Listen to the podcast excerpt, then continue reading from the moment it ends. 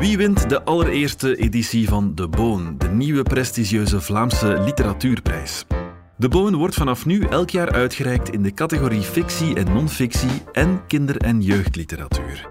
In deze bijzondere aflevering duiken we met onze huisspecialiste Veerle van den Bos in de vijf genomineerde boeken in deze laatste categorie. Veerle verslond de vijf kanshebbers en maakt er jou graag warm voor in deze podcast. We zijn met z'n drieën nu. We waren met z'n vieren, maar één van ons gaat dood. Dat kan je beter maar weten. Nu al, voordat ik begin. Eén van ons sterft. Maar daar gaat het niet om. Het veranderde alles. Dat wel.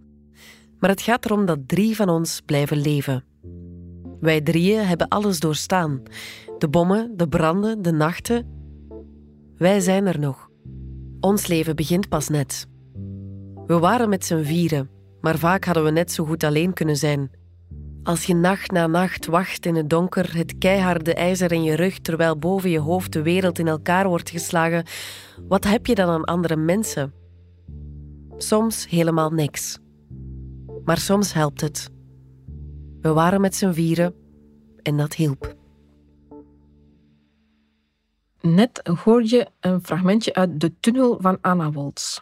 En Anna Woltz die heeft zich ook aan een historisch onderwerp gewaagd, al is het een heel ander decor. De blitz in het Londen van 1940, uh, toen de stad acht maanden lang elke nacht werd bestookt met Duitse bommen en de bevolking uh, haar toevlucht zocht in de gangen van, van de metro. Als magere sardientjes in een gigantisch blik, schrijft Anna Woltz. En in die hel leven de 14-jarige Ella, dat is het hoofdpersonage, haar broertje Robbie en hun ouders dag aan dag. Nu, Ella die heeft een naar binnen gedraaid been, want ze heeft net polio gehad. Ze is een heel jaar ziek geweest, heeft uh, maanden in een ijzeren long gelegen. En ze is nu 14 en uh, moet nu eigenlijk leren leven met haar nieuwe lichaam, dat ook aan het veranderen is, want ze is aan het puberen. En een lichaam dat ze nu als misvormd ervaart. Nu, elke dag staan ze uren in de rij om een plekje op het perron uh, te bemachtigen, om de nacht te kunnen doorbrengen met dus honderden wildvreemde mensen. Terwijl eigenlijk Ella door haar maandenlange isolement uh, niet bestand is tegen grote menigte. Ze is eigenlijk bang geworden van mensen. Dus het feit alleen al dat ze met honderden tegelijk liggen te ademen op dat perron, is beangstigend voor haar. En in die chaos ontmoet ze Jay, dat is een, uh, straatjongen die altijd wel iets te ritselen vindt. En Quinn. En Quinn is uh, een afkorting van Lady Quintana. Dat is een, een adellijke puber die thuis weggelopen is uh, naar Hellhole Londen. Hè. Uh, omdat ze haar leven niet al drinkend wil doorbrengen, wat wel van meisjes van haar stand wordt verwacht. Maar ze wil gaan helpen in Londen, ze wil verpleegster worden, wat niet mag, want ze is nog maar 15. En dan is er ook nog haar broer Sebastian, die zijn familie ook al is ontvlucht uh, op het eerste gezicht, omdat hij sympathie heeft voor de Britse nazi Oswald Mosley. Maar eigenlijk uh, was dat maar een bevlieging van hem. Dat heeft niet lang geduurd. De echte reden is een hele andere. Ik ga het niet verklappen, je moet het boek maar lezen. Tussen die vier jongeren ontstaat een heel uh, intense, onwaarschijnlijke vriendschap. Hè? En wat Anna Woltz heel mooi doet, is uh, spanning en gevaar afwisselen met romantiek en de pijn van het opgroeien in een met heel veel vaart geschreven uh, coming-of-age verhaal. En dat één van de vier het niet overleeft, dat weet je dus al vanaf de eerste zin. Je weet alleen niet wie er zal sterven. En dat is natuurlijk een cliffhanger van formaat.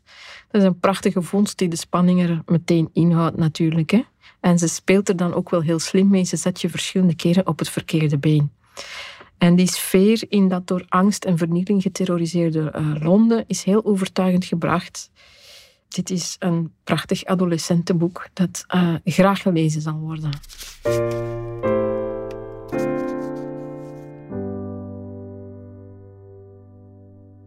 Binnenkort wilde Lennox graag dapper worden. En het liefst zo snel mogelijk.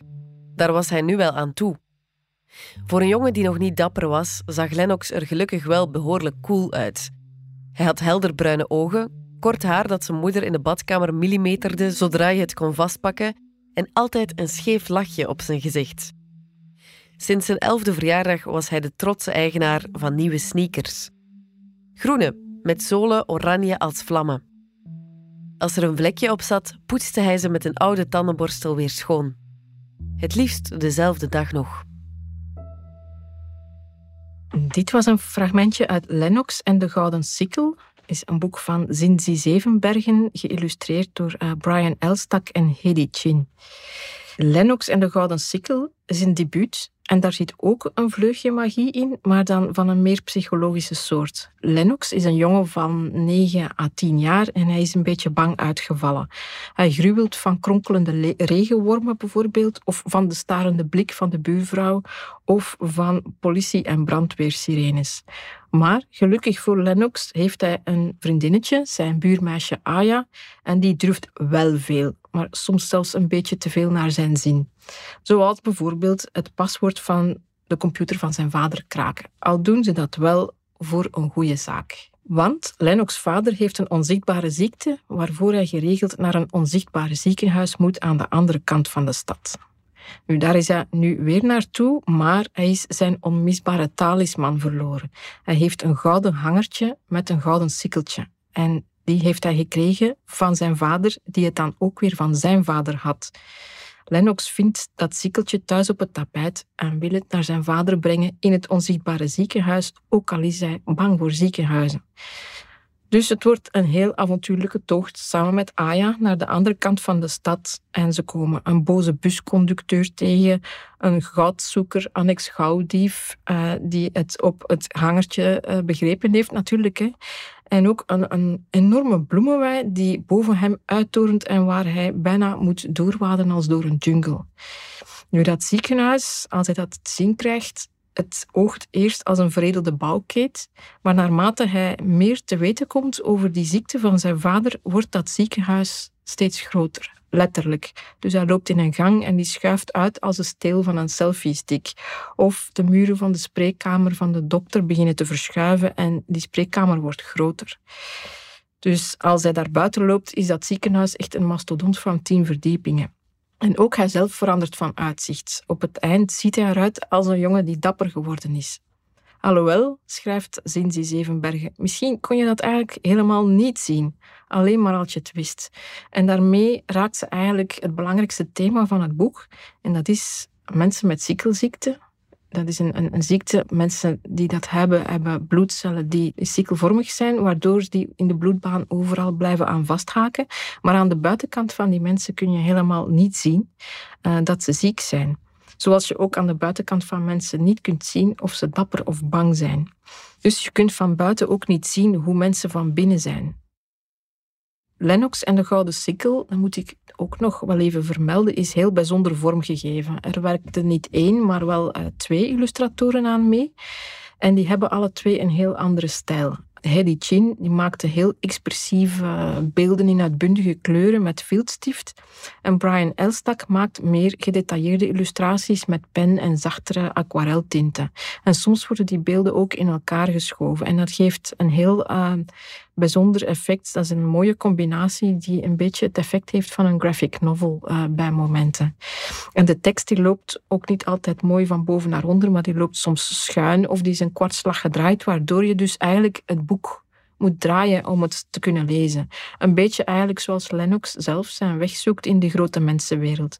Dus een heel mooi debuut, uh, vind ik, met een uh, heel mooi en origineel uitgewerkte beeldspraak hoe meer je weet, hoe groter je wereld wordt.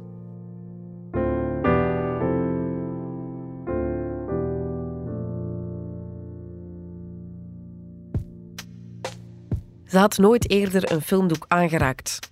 Maar ze wist heel zeker dat ze niet zo hoorde te voelen als dit. Heel voorzichtig stak ze haar vinger uit en raakte het opnieuw aan. Het doek leek wel vloeibaar te zijn, alsof ze haar vinger in een plas melk stak. En zodra haar vingertopje met het doek in aanraking kwam, schoot er een golf door haar heen die al haar spieren liet samentrekken en haar hart een schop gaf. Als schrikdraad, maar dan nog veel erger. Terwijl ze haar vinger terugtrok, zag ze een rimpeling door het scherm gaan. Ze bestudeerde de hoeken van het scherm, gluurde achter de gordijnen, maar ze kon niks vreemds ontdekken. Dit was een fragmentje uit Films die nergens draaien van Jorik Goldewijk. Het hoofdpersonage van dat boek is Cato en Cato is twaalf en een beetje raar. Tenminste, dat is wat haar klasgenoten vinden, omdat ze altijd twee verschillende sokken draagt, soms links een staart en rechts een vlecht heeft of als zombie geschminkt naar de school komt. Um, maar het punt eigenlijk is dat ze eenzaam is. Ze heeft niet veel vrienden. Haar moeder is gestorven toen ze werd geboren en haar vader gaat nogal afwezig door het leven. Meestal lijkt hij haar zelfs amper op te merken. Nu, dat klinkt heel erg uh, kommer en kwel, maar het is zeker geen kommer en kwel boek. Um, op een bepaald moment krijgt Cato een visitekaartje in handen dat een heel geheimzinnige boodschap heeft. Mevrouw Kano's bioscoop staat daarop films die nergens draaien, maar die je altijd al had willen zien. Het klinkt heel spannend, dus ze gaat op onderzoek uit en ze belandt in een leegstaande bioscoop bij een excentrieke vrouw die haar prompt inhuurt als hulpje.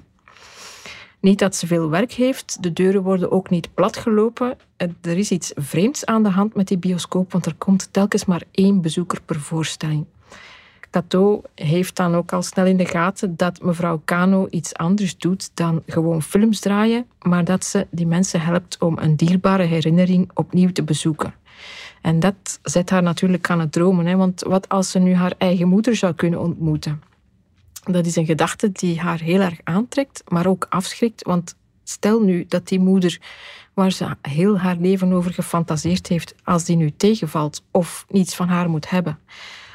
Mevrouw Kano neemt haar dus altijd mee naar dat verleden waar ze op een jongen moet passen.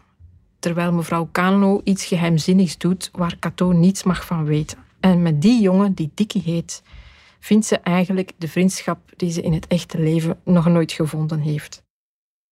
Dit is een heel mooi boek. Cato leert zo te begrijpen dat het verleden mensen maakt tot wie ze zijn en dat je soms je mening over mensen moet herzien. Maar vooral leert ze dat je het leven niet aan je voorbij mag laten gaan om, omdat je vastzit in het verleden. Want anders dreig je te worden zoals met water aangelengde limonade, zoals haar vader zegt, die door haar eigen uh, zoektocht ook wel uh, uit zijn emotionele verlamming ontwaakt. Het is een, een boek met een heel mooi magisch kantje. Maar uh, het mooie ervan is dat die magie wordt ingebed in het verhaal, in de emotionele ontwikkeling van Cato en dus helemaal niet vrijblijvend is. Het is een heel origineel, spannend, mooi opgebouwd en troostrijd boek met een hoofdpersonage dat echt wel aan je ribben blijft plakken.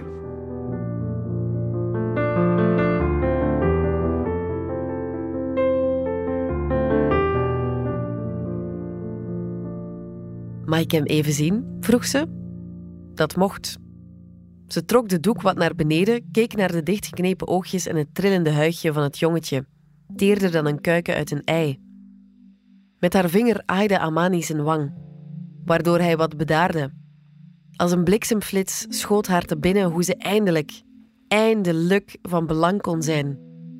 In alle stilte zwoer ze een eed. Ik zal op je passen en tussen jou en je vijanden staan. Ik zal je beschermen tegen het luipaard, de schorpioen, tegen priesters, bediendes, mijn moeder en het allerbelangrijkst, je opa. Ik zal je schaduw zijn, dag en nacht aan je zijde. Zelfs als je het niet weet. Dat beloof ik. Net hoorden we een stukje uit Schaduw van Toet van Lida Dijkstra. Sinds hij Zevenbergen schreef, hoe meer je weet, hoe groter je wereld wordt. Hier ligt het wat anders. Hier is het hoe meer je weet, hoe langer je leeft. Het hoofdpersonage van dit boek, Anke Senamon, dat is een ingewikkelde naam, is een van de zes halfzussen van het kleine prinsje Tutankhamon. Vandaar dus hoe meer je weet, hoe langer je leeft, want dat klinkt heel dramatisch, maar als je natuurlijk in het epicentrum van de macht zit, is dat een levensreddend inzicht, of kan dat toch zijn? Nu, Anke Senamon is nogal slim, heel intelligent. En op haar achtste neemt ze zich voor om het kleine prinsje Tutankhamon te beschermen tegen de aasgieren aan het hof van haar vader Echnaton, die eigenlijk allemaal op de macht uit zijn en die een troonopvolger kunnen missen als kiespijn. En die Echnaton die heeft zich in een moeilijke positie gewerkt. Hij heeft namelijk op de zonnegod Aton na alle goden afgeschaft en zich de woede van het volk en ook van de machtige priesters op de hals gehaald. En tot overmaat van ramp breekt er ook nog eens een pandemie uit, compleet met lockdown en hamstergedrag, heel herkenbaar. Al hamsterden Egyptenaren hier geen toiletpapier, maar mumieline. Nu, Anke Senamon die wordt gedwongen om met haar vader te trouwen en zij krijgt een doodgeboren kindje. En na de dood van haar vader trouwt ze met haar halfbroer, Tutankhamon. En ze wordt dus echt zijn schaduw, zoals de titel zegt, en ook zijn zielsgenoot, want zij zijn echt heel erg eh, aan elkaar gehecht. Maar zoals we allemaal weten, is ook Tutankhamon heel jong aan zijn einde gekomen waardoor de positie van haar ook weer heel wankel wordt aan dat hof. En telkens weer moet ze een beroep doen op haar slimheid en haar kennis om te overleven in die slangenkuil die het hof van de farao is. Lida Dijkstra is iemand die een speciale schrijfstijl heeft, die een heel krachtig ritme en mooie klankkleuren. Die tekst, als je het boek ziet, is ook niet van regeltjes van links naar rechts, maar dat ziet er meer uit als, als een gedicht. Dus soms houdt dat het midden tussen proza en poëzie. En ze slaagt er heel mooi in om die personages die toch duizenden jaren geleden hebben geleefd, overtuigend tot leven te wekken. En ze wordt daarbij ook heel goed geholpen door Phila Genet, de illustratrice. Die maakt echt indruk met haar op Egyptische kunst geïnspireerde beelden, waaraan ze toch een heel eigen poëzie en een heel eigen touch heeft toegevoegd. Dus dat boek ziet er heel erg mooi uit. Dus woord, beeld en vorm zijn perfect op elkaar afgestemd.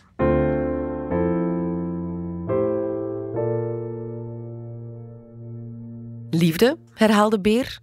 Wat is liefde? Pingwin begon te blozen en nam snel een slok water. Dat is erg ingewikkeld om uit te leggen, begon hij. Liefde voel je van binnen als een storm die door je lijf raast. Je buik lijkt wel zeeziek en je tenen gaan ervan tintelen. Beer leunde voorover en legde zijn poten op zijn buik. Hij bestudeerde zijn tenen en wachtte tot ze wat zouden gaan doen. Een paar minuten lang zei hij niets. Ten slotte keek hij op en schudde zijn hoofd. Nee, zei hij, ik voel helemaal niets, behalve een beetje honger. En het allerlaatste fragmentje dat we net hoorden komt uit Een Zee van Liefde van de enige Vlaming op de shortlist, Pieter Gaudisaboos. De hamvraag in dit boek is: wat is liefde? Het begint al op de schutbladen. Je ziet vanuit boven aanzicht een vriendelijk kabbelende blauwe zee met daarin een klein roeibootje. En in dat roeibootje zit Pinguïn, die op weg is van zijn winterse huis in de bergen naar Beer. Hij heeft alleen een koffer, een lamp en een groot geheim met zich mee. En dat geheim weegt het zwaarst als hij de hoge duin opklimt naar het huis van Beer. Pinguïn is namelijk verliefd. Maar dat valt bij de stomverbaasde beer echt compleet op een koude steen. Ze zijn veel te verschillend om een stel te kunnen zijn, zegt Beer. En bovendien heeft hij helemaal geen idee wat liefde is. Maar Pinguïn mag gerust enkele dagen blijven logeren tot dat vreemde gevoel in zijn buik en het getintel in zijn tenen overgaan. Nu, die enkele dagen worden een week en twee weken en uiteindelijk een hele zomer vol zon, zand en zee, waarin pinguïn en beer helemaal naar elkaar toe groeien. Maar uiteindelijk verandert er toch niets. En Pinguïn vertrekt weer. En de herfst en de winter komen en de zomerse kleuren verbleken. En de wereld, dus ook die eeuwige mooie vakantiewereld van Beer, wordt grijs. En eindelijk is ook Beer er dus achter wat liefde is. Een zee van liefde is heel filmisch opgebouwd. Je hebt afwisselend kleine intimistische beelden en heel grote panoramische landschappen. Het is een heel geslaagde combinatie van de typische strakke, heel grafische computertekeningen van uh, Pieter Gaudisaboos en een veel lossere stijl in aquarel. Is echt wel een hoogtepunt in zijn werk. En tot zover deze aflevering over de genomineerde boeken voor de Boon in de kinder- en jeugdliteratuur.